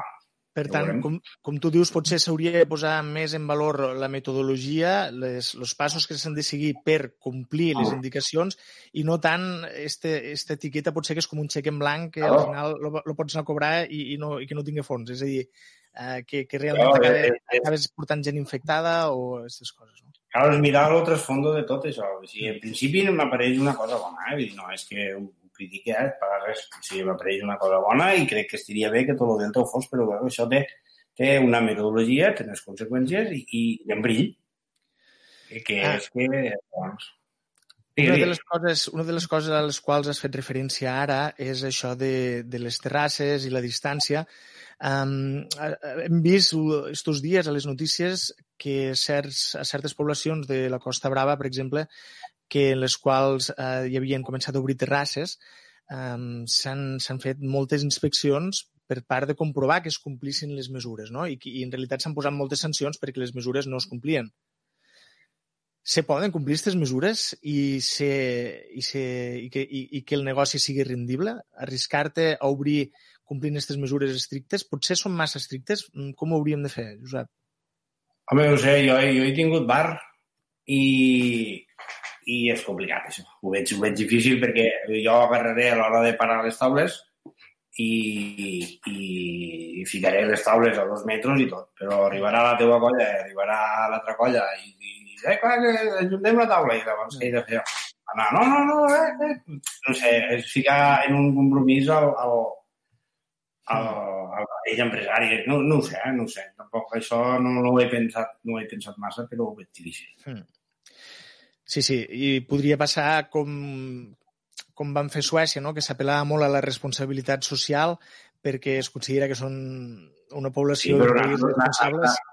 No, no són suecos, eh? Sí, clar, clar, aquí, aquí, està el problema, aquí està el problema que pot, que pot llaure. Bé, Josep, una altra, una altra pregunta que et volia fer que crec que és molt interessant i que ens preocupa i, i vaja, que és que arran de l'arribada de, de la Covid-19 han canviat coses eh, i n'hi ha d'altres que, que canviaran, però el que està clar és que de les que han canviat n'hi ha que es quedaran per sempre. Eh, aquí et volia preguntar, eh, dintre del sector, quines coses ja han canviat i no, i no fa pinta que tornen a revertir-se, és a dir, que es quedaran ja per sempre. Refereixo, per exemple, per exemple a, a procediments com ara que cada diferents zones hi hagi gel, gel limpiador, gel limpiador uh, o, o l'extrema... O sigui, o això que d'extremar les mesures d'higiene. Sí, a veure, lo, el que està clar és que aquí tots ens ha tocat, eh, tots els que han volgut obrir o volem obrir, doncs ens ha tocat fer el nostre pla de contingència, que a lo millor jo, per exemple, no el tenia fet. Un, un pla de contingència, doncs tens un pla de riscos laborals per a evitar que la gent pugui prendre mal, però clar, un pla de contingència per una epidèmia doncs no, no, no el tenia ningú fet. Uh -huh. Vaja, però jo no el tenia fet. Uh -huh. I, i clar, això pues, he dit, eh, aquí ens hem, de, ens hem de ficar a veure com ho podem fer. Clar, llavors, pues, eh, redistribueixes, ordenes, eh, fas, però vull dir, eh, això ja quedarà, ja serà una feina feta que tindrem per a quan torni a venir una altra epidèmia. I però, creus que... Creus que... Em costa trobar-li coses positives, la veritat. Sí, segura, és que segurament estem en un moment que, que és molt difícil de valorar, de valorar les coses positives, que segurament jo vull pensar que sí que en dir, eh? no, no només en el sentit eh, este que acabes de dir, que, que no deixa de ser positiu, sinó en un altre com que, ostres, potser, potser ens convertirem en, en una gent una mica més respectuosa en, en certes coses, encara que sigui per, per temor, no? La temor no és mai un bon motiu per fer res, però potser per temor deixarem de fer algunes coses que abans no acabàvem de fer bé. Sí, sí, això sí, això sí, però, però no sé, sí eh, un any, però en acabat sí. ja tornarem a, a, a lo de sempre. És, és, és complicat, eh? No sé. Josep, ja per, a, per acabar, des de la teva posició de president de l'Associació d'Empreses d'Ecoturisme del Delta de l'Ebre, m'agradaria que, que per tancar l'entrevista us fessis alguna reflexió, algun comentari de cara, de cara al sector, un missatge d'esperança, de, en positiu, diguéssim, eh, de cara al sector. Sí, home, que, veure, que ara això, si ara sí estan sortint aquests medicaments que ho poden apel·liar-ho, eh, si es va desconfinant, si tot això se va acabant, jo penso que el Delta de l'Ebre quedarem com una destinació eh, de, primer, de primer nivell. O sigui, de les primeres d'Espanya, m'atreviria a dir. Mm -hmm. això, i, I això t'ho dic convençut, eh? O sigui, a part de que eh, jo pues, eh, li tinc l'estima que li tinc i penso que és el millor tot del món, però jo penso que ara molta gent que millor eh, tenia pues, per costum anar a Benidorm o anar a Salou o anar a aquests puestos, ara hauran ficat els ulls en aquests espais, com el nostre, i jo penso que eh, això ens convertirà el Delta de l'Ebre en, una, en una destinació de primer nivell. Estic convençut, eh? I cal que si això passa... Diu en Garbo, eh, com van? Sí, sí, i tant, i tant, home, i tant, molt positiu. Cal que si això passa eh, siguéssim fidels a nosaltres mateixos perquè justament això serà també, com tu dius, el que ens haurà fet eh, assolir aquest èxit, no? Que bonic aconseguir l'èxit mantenint-te fidel a tu mateix. Sí, això és important. Això és important. Pues Josep, Josep Bertomeu, president de l'Associació d'Empreses d'Ecoturisme del Delta de l'Ebre, moltes gràcies per estos minuts que ens has dedicat a, a parlar de l'estat del sector i també eh, gràcies per aquest comentari final en positiu que jo crec que servirà a molta gent per a tranquil·litzar a tranquil·litzar-la i, i pensar que venen que han de vindre temps i dies millors.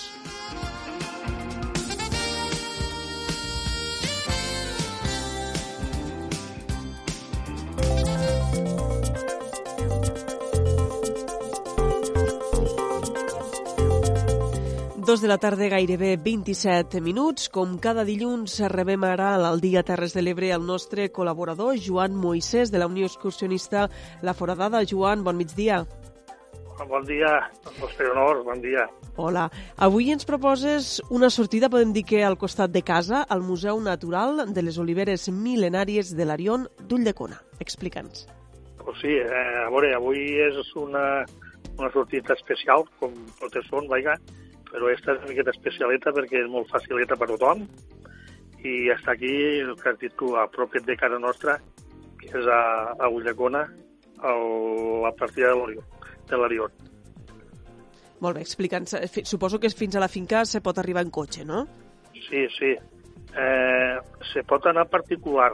Uh -huh. Se pot anar també avisant a, a l'oficina de turisme d'Ulldecona, perquè llavors seria una... també haria antes lo, això de, de les oliveres mil·lenàries, sí. també hi ha una que és una, una oficina i allí et fan un tastet de l'olis i tot això. Uh -huh. Però també es pot anar particular, eh? això cada un que ho faci com vulgui.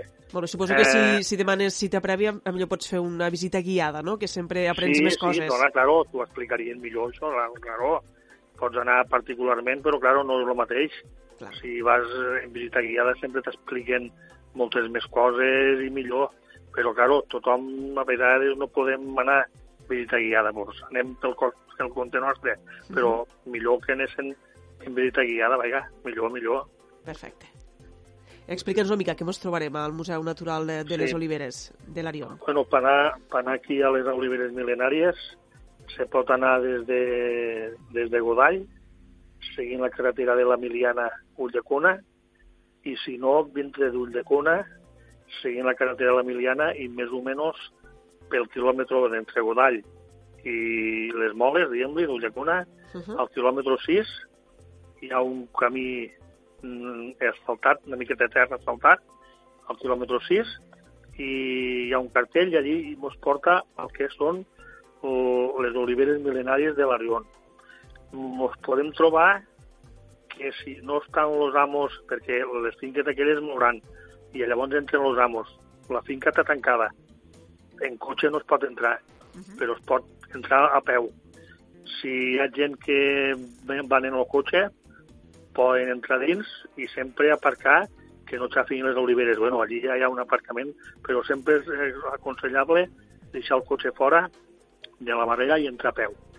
Llavors, allí, al, a, entrant a peu, doncs ja veurem que hi ha uns panels i llavors hi ha un circuit molt apte per a tothom i llavors podem veure les, les oliveres mil·lenàries que hi ha allí, el, el que és la, el municipi de, de Ulldecona. Uh -huh. eh, aquí Ulldecona és el, muni, el municipi més, més nom d'oliveres mil·lenàries del món. Uh -huh. eh? Jo, ho, ho he llegit, això. Sí, sí. Que tenen més de 1.372.000 oliveres del món. ¿vale? Uh -huh. És a dir, un miler de, llavors, a, a Ulldecona és on se concentra no, el major nombre d'oliveres mil·lenàries del món. Sí, molt bé, molt bé. A pesar que eh, parlem ara de les oliveres mil·lenàries perquè, a part d'estes de... perquè hi ha unes, uns 35 exemplars, a dins ho trobarem, uh -huh. en uns 35 exemplars d'oliveres que són oliveres Farga. Uh -huh. eh, segons la Universitat de, de, de Madrid, Politécnica de Madrid, sí. a, a una olivera d'aquelles se li calculen 1.700 anys. déu nhi més, mil, més, més de 1.700 anys. I llavors el que és aquesta olivera li van donar l'any 2006 una olivera d'estes, l'olivera mil·lenària, que estava lladeta en, en, una, en una corda, així molt xula, o en unes de fustes, perquè no entri la gent i la facin malveses. Uh -huh. Li van donar el Premi Talemo a la millor olivera monumental d'Espanya, l'any 2006.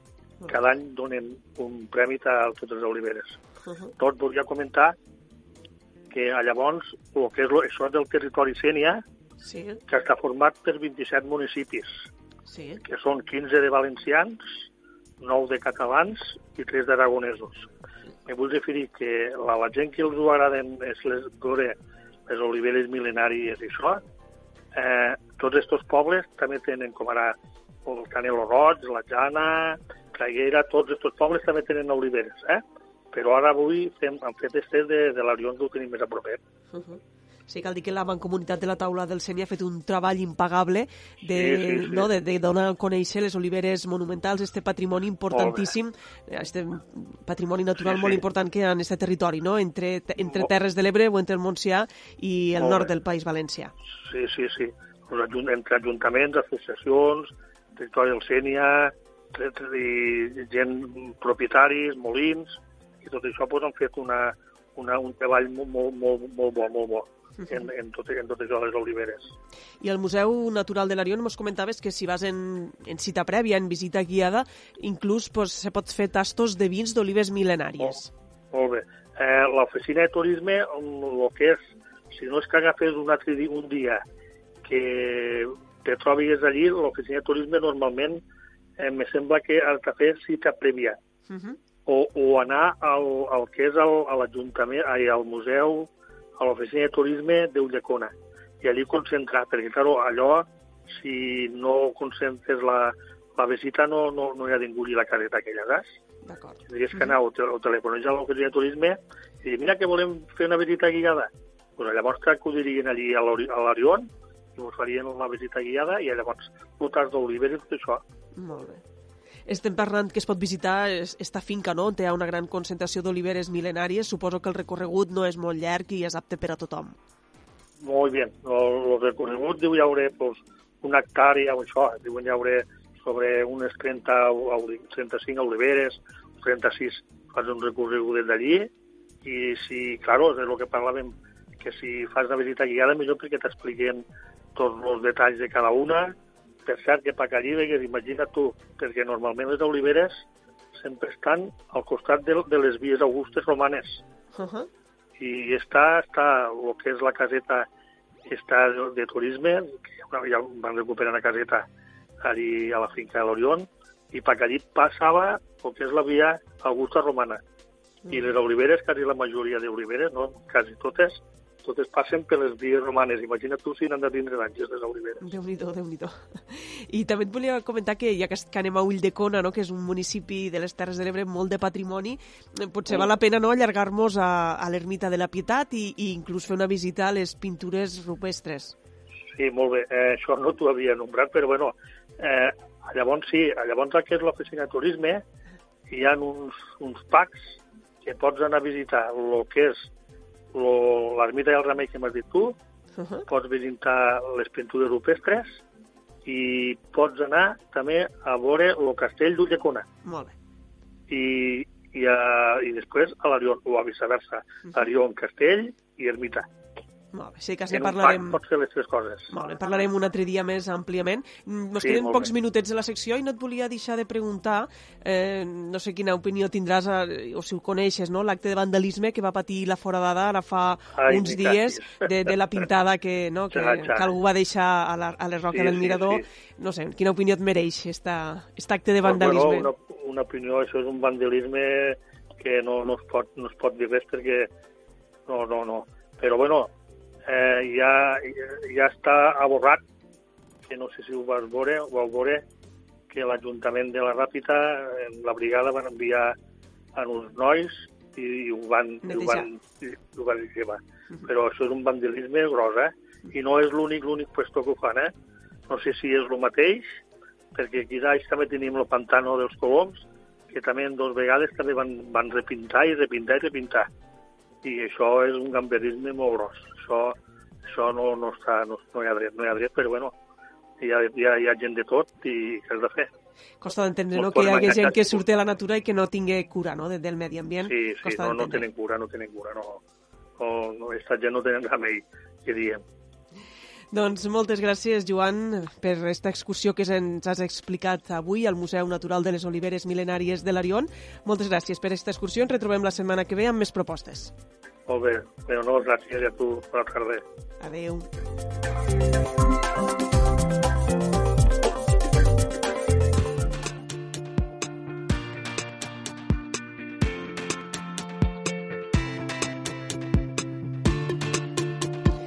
Seguim en directe a l'Aldia Terres de l'Ebre. Esta nit a partir de les 12 s'enceta una nova campanya per als quatre vaixells tonyinaires de l'Ametlla de Mar que pesquen tonyina roja al Mediterrani. Una campanya que comença amb un gran malestar a l'empresa Calera Balfegó que ha vist com el govern espanyol només li ha atorgat 10 de les 587 tones de tonyina roja que contempla l'increment de capacitat d'engreix per a este 2020 a les instal·lacions aqüícoles. Este any el grup Balfegó podrà capturar 2.440 tones de tonyina roja. Francesc Callaun ha parlat de tot plegat amb Juan Serrano, director adjunt del grup Balfegó. Estem a només unes hores de l'inici de la campanya de tonyina. Això a la Mella de Mar, amb un port important en l'àmbit de la pesca i també tot el que té a veure amb l'àmbit de l'agricultura en el món de la tonyina roja del Mediterrani pues és ni més ni menys que un fenomen social i un fenomen econòmic. Tothom sap que comença la campanya de la tonyina, moltes famílies van veure com divendres pues, alguns dels seus familiars sortien ja per encarar aquesta campanya i volem saber una mica més. Juan Serrano, director general del grup Balfegó, bon dia. Hola, bon dia.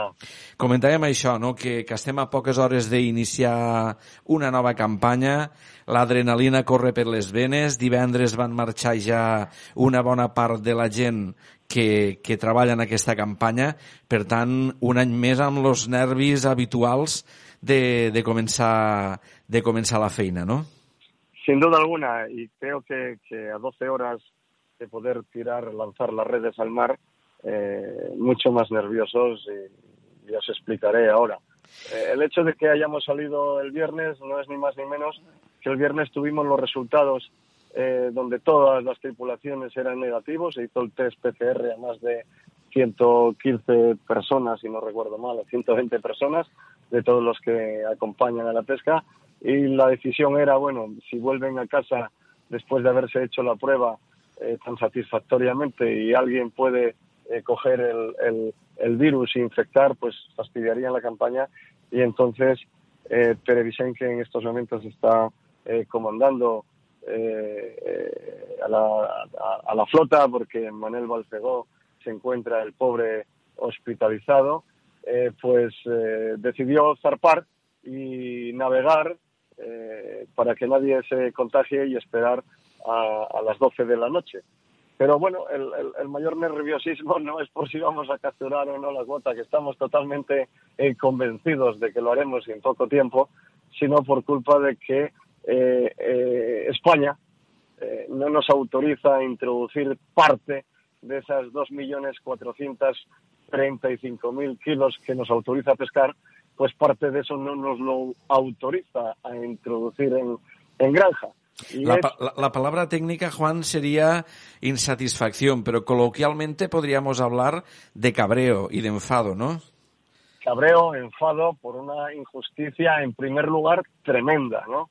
Tremenda porque de 587 eh, toneladas más que se podrán introducir en España en granjas este año, eh, que es las que autoriza a, a España, a Europa, de esas 587, solo 10 se las dan a Valfegó y, y las otras se las dan íntegras a las otras dos empresas. Una es, como todos sabéis, Ricardo Fuentes y otra es eh, Petaca Chico en, en, en Barbastre.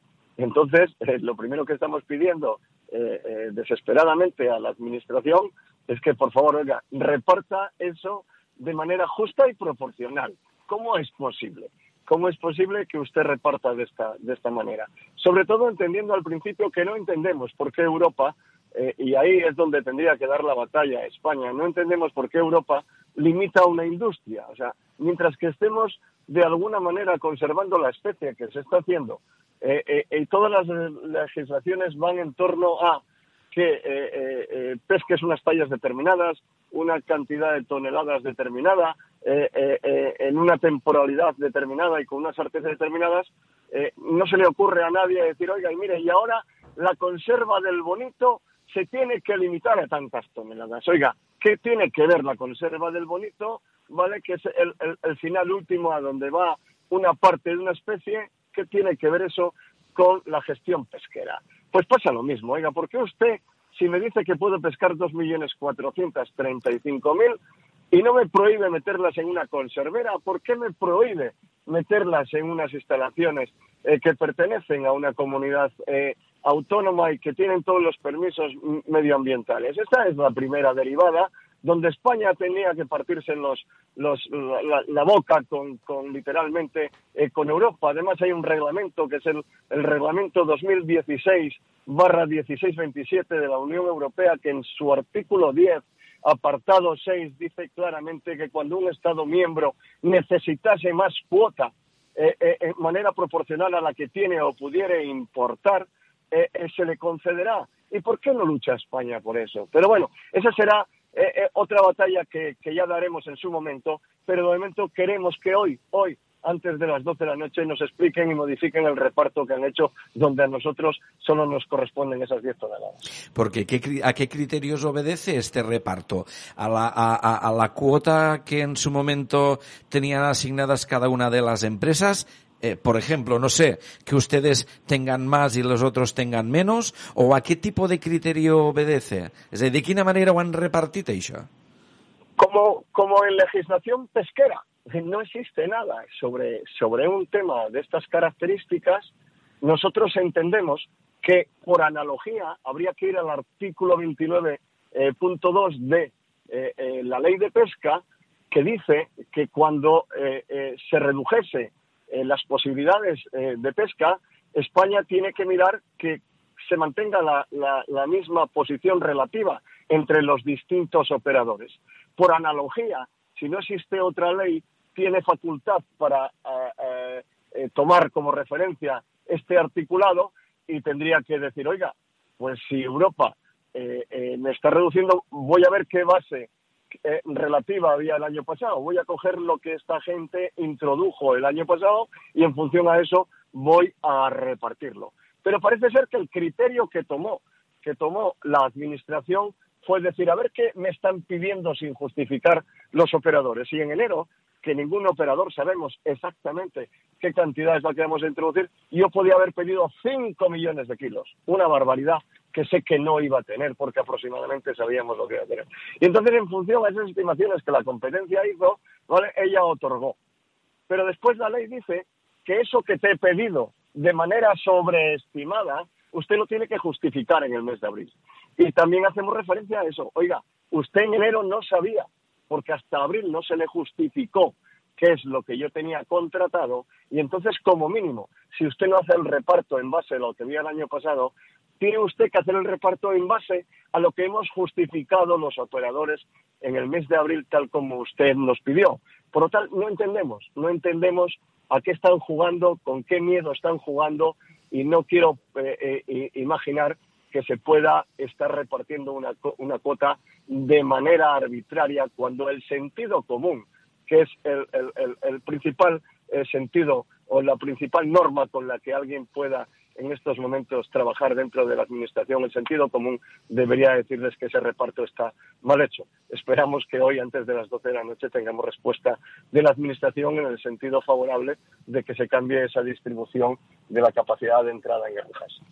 Eh, Juan, més enllà d'este problema que, que per entendre-ho pues, vol dir que vostès poden pescar una quantitat de tonyines, una part de les quals després no podran posar a les granges i, per tant, no, no en sabran què fer. Més enllà d'això, quines són les previsions en quant a captures i com es presenta la campanya, Juan? Bueno, pues las previsiones de captura eran de 2.435.000 kilos, que una vez que se trasladen a una eh, eh, eh, piscina de transporte, eh, con la normativa actual, 240.000 no podrían entrar, tendrían que pasearse por el Mediterráneo o soltarlos. No, no, no habría otra posibilidad. Por eso es importante antes de las 12 de la noche porque podemos determinar que esas toneladas eh, se pesquen con otro arte o traspasarlas eh, de otra manera. Pero las expectativas pues son muy buenas. Pues, pues el avistamiento de los atunes en todos los sitios es de que hay una abundancia eh, tremenda y estoy seguro de que, de que en muy poco tiempo vamos a, pescar. O sea, no hay, además, ya no hay un plan de recuperación, estamos en un plan de gestión, eh, no, no, hay ningún miedo, no entendemos por qué eh, eh, está pasando lo que, lo que está pasando. Eh, la, la, campaña pues ha empezado con, con ocho barcos de cerco, tres eh, de la Mella de Mar, como, como bien sabéis. Eh, uno es el barco Yepus, tío, tío Jelly Laflau, el otro barco va a pescar con el grupo con el grupo Fuentes y, sus dos barcos del grupo Fuentes. Hemos salido ahí con, con, con 15 barcos de, apoyo y de transporte de, de, las jaulas y en total pues han salido al mar 200 eh, marineros y buzos que sin duda alguna van a hacer las campañas que conocéis y que venían haciendo repetidamente los últimos años por la abundancia de atún que hay. Pel, per a que la gent es pugui fer una perspectiva, Juan, en quin punt estem? És a dir, eh, quina quantitat de les captures corresponen al sector de l'encerclament eh, de tonyina, que és el que, mm, bueno, el que pesqueu vosaltres, i, i a la vegada també en quin punt estem de l'increment anual de captures, és a dir, encara es va incrementant progresivament la capacitat de captura a les empreses toñinaires? Este, este año nosotros en España, porque ya sabéis que se ha repartido una cuota a, a los artesanales del Mediterráneo y a los cañeros eh, canarios, este año hemos tenido en total un incremento aproximado de un 10%. ¿eh? De los 2.435.000 eh, kilos que vamos a pescar, 700.000 provienen de los cinco barcos de, de encerclament franceses y el resto proviene de, de, de cuota española, donde 450.000 kilos han sido comprados a, a, a, la flota vasca, los derechos de, de pesca. Pero, en definitiva, 1.700 y pico toneladas serían españolas y 700 serían francesas. La cuota española, si no, si no recuerdo, no, no tengo ahora los números en la cabeza, estaría en torno a los 6 millones de, de quilos, a les 6.000 tonelades. Si traguéssim tots els acords i, i compres de quota a altres sectors i altres bar i, i altres vaixells francesos, Juan, al grup Balfegó, concretament, quina quota li, li correspondria? Me, me, coges en estos momentos, pero yo creo que, que estamos, eh, si quitamos 400, 200, 600, eh, 1.300, estaríamos en torno a las eh, 1.000 toneladas, 900 toneladas. Ahora no tengo los números eh, presentes, o cerca de las de las 800 y pico toneladas a los tres barcos de. El 25% de las 6.000 toneladas pertenecen a los seis barcos de Encerclamón. Muy bien. Eh, pel que fa a les mesures de seguretat, eh, hi ha alguna novetat? És a dir, continueu mantenint eh, una persona que ve del Ministeri per vigilar les captures i de totes les... No ha cambiado nada. Seguimos trabajando como observadores a bordo de los barcos, que son además eh, pertenecientes a ICAT a bordo de los barcos. Los barcos de transporte, los otros barcos llevan también un observador, pero es de nacionalidad española para verificar todas las operaciones de traspaso de un barco de encerclamento a un barco de, de transporte o de arrastre de las, de las piscinas. Y, y, después aquí en la granja nosotros tenemos prácticamente, bueno, ahora no, desde el temporal Gloria, eh, pero sabéis que nosotros tenemos en los 12 meses del año siempre un observador internacional en nuestras instalaciones, eh, que vendrá, eh, imagino, con la primera llegada de la primera eh, piscina, llegarà també este observador a l'Ametlla de Mar. Juan, eh, heu fet públic que aquest any heu incorporat eh, nova tecnologia als vaixells per tal de controlar millor aquestes captures. Sí, son unos tipos de, de, de, de sonares que se han instalado que te permiten diferenciar eh, mucho mejor el tamaño de los cardúmenes y te, te permiten diferenciar también la talla del atún. Acordaros que una de las cosas que más nos preocupa es tener que pescar grandes cardúmenes que pueden poner en peligro la operación de pesca porque se enmallen en las redes y también, sin duda alguna, puede poner en peligro al atún que acabe muriendo y eso sería eh, eh, cuota consumida que no tendría que no tendría ningún valor. También, por otro lado, como bien sabéis, nosotros hemos sido pioneros en ser los primeros en llevar una cámara estereoscópica que filme todas las operaciones que estamos traspasando de los barcos cerqueros a las piscinas de, transporte, con lo cual eh, tenemos la seguridad de que el atún que llegue después a, enjaularse en, en, en, en la mella de mar y que sea verificado por las mismas cámaras estereoscópicas por los inspectores de la Administración, la diferencia sea la más pequeña possible entre unes medicions i les altres. Per altra banda, eh, Juan, eh, la campanya arriba en eh, un moment en què les vostres instal·lacions es van veure afectades pel temporal Glòria. Per tant, eh, d'alguna manera, és una campanya molt esperada, ¿no? Sin duda alguna. Estamos deseando que llegue la primera piscina con atún a la mella de mar. Yo realmente, eh, bueno, yo creo que es increíble la labor que se está haciendo de resistencia por parte de la familia Balcegó y por parte de, todos los miembros que componemos eh, la empresa y, y, ya no nos puede pasar más, de verdad. O sea, en 18 meses un incendio, eh, después el Gloria, después el COVID y ahora, y ahora que somos capaces de aguantar, de resistir todo eso, que nos venga la administración con decir que nos quiere pegar la puntilla pues sería la peor forma de morir o de enfermar, ¿no? Eh, per altra banda, també sabem que eh, des del grup Balfegó es va arribar a un acord amb el sector pesquer de la Mella de Mar per tal d'anar recuperant aquelles tonyines que el temporal va fer que sortissin i van acabar morint. Eh, bueno, cada vegada se'n capturen menys, però en quin punt està aquest acord o aquesta relació entre el grup Balfegó i la resta dels pescadors de l'entorn? pues una relación entiendo que, que, que, que excelente. Eh, tanto es así que, que, no te puedo informar de que, de que tengamos ningún problema. Ya desde que aparecieron los primeros problemas nos pusimos en contacto incluso para adelantar cualquier cantidad de dinero que necesitasen las cofradías donde aparecían esos, esos atunes, donde los hemos recogido y a esperar a que los pagase el seguro, que creo que fue en base al, precio medio de, captura que tenían en las mismas fechas el año anterior. O sea, se ha pagado el 100% de, de, de todos los problemas que se ha ocasionado con motivo de no poder aprovechar el día de pesca por culpa de las capturas de los atunes muertos. O sea, ningún problema. Se ha pagado eh, todo francés, al 100%. Eh, per últim, eh, Juan, abans d'acabar, mm, ¿qué tal eh, este nuevo sistema de venta online de atún del grupo Balfegó? Com, com està anant? Quines són les, bueno, les primeres sensacions al respecte? Bueno, sin duda, sin duda alguna, eh, eh, el, consumidor de los restaurantes o, que iba y conocía nuestro atún siempre nos decía, oiga, ¿y dónde podemos comprarlo? ¿Cómo podemos tener acceso a él?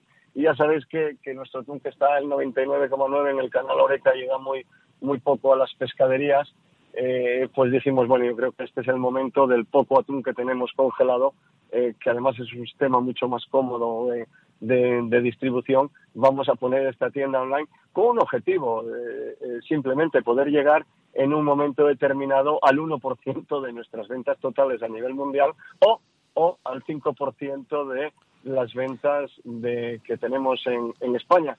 En ese en, estos momentos puedo decirte que, se están cumpliendo, que estamos muy contentos, estamos muy contentos porque además hay muy pocas referencias, pero o, lo que esperamos es dentro de poco empezar a sacar muchísimas eh, eh, más referencias, con lo cual esta, esta tienda sea un motor de conocimiento de la satisfacción con los productos que, que lanzamos al mercado por parte de, de, los consumidores y que sea una manera más de, de, vender que yo creo que ha venido para quedarse, ¿no? Ha venido también para quedarse ese incremento de las ventas de, del e-commerce y seguramente eh, muy pronto, espero que antes de dos meses, estemos poniendo a disposición de nuestros eh, fieles consumidores otros nuevos productos a través de esta tienda online. Pues Juan Serrano, director general del grup Alfegó, a poques hores de l'inici de la campanya, Eh, moltes gràcies per atendre'ns i desitgem que tingueu una molt bona campanya de la tonyina aquest any. Gracias a vosotros, José. Muchísimas gracias.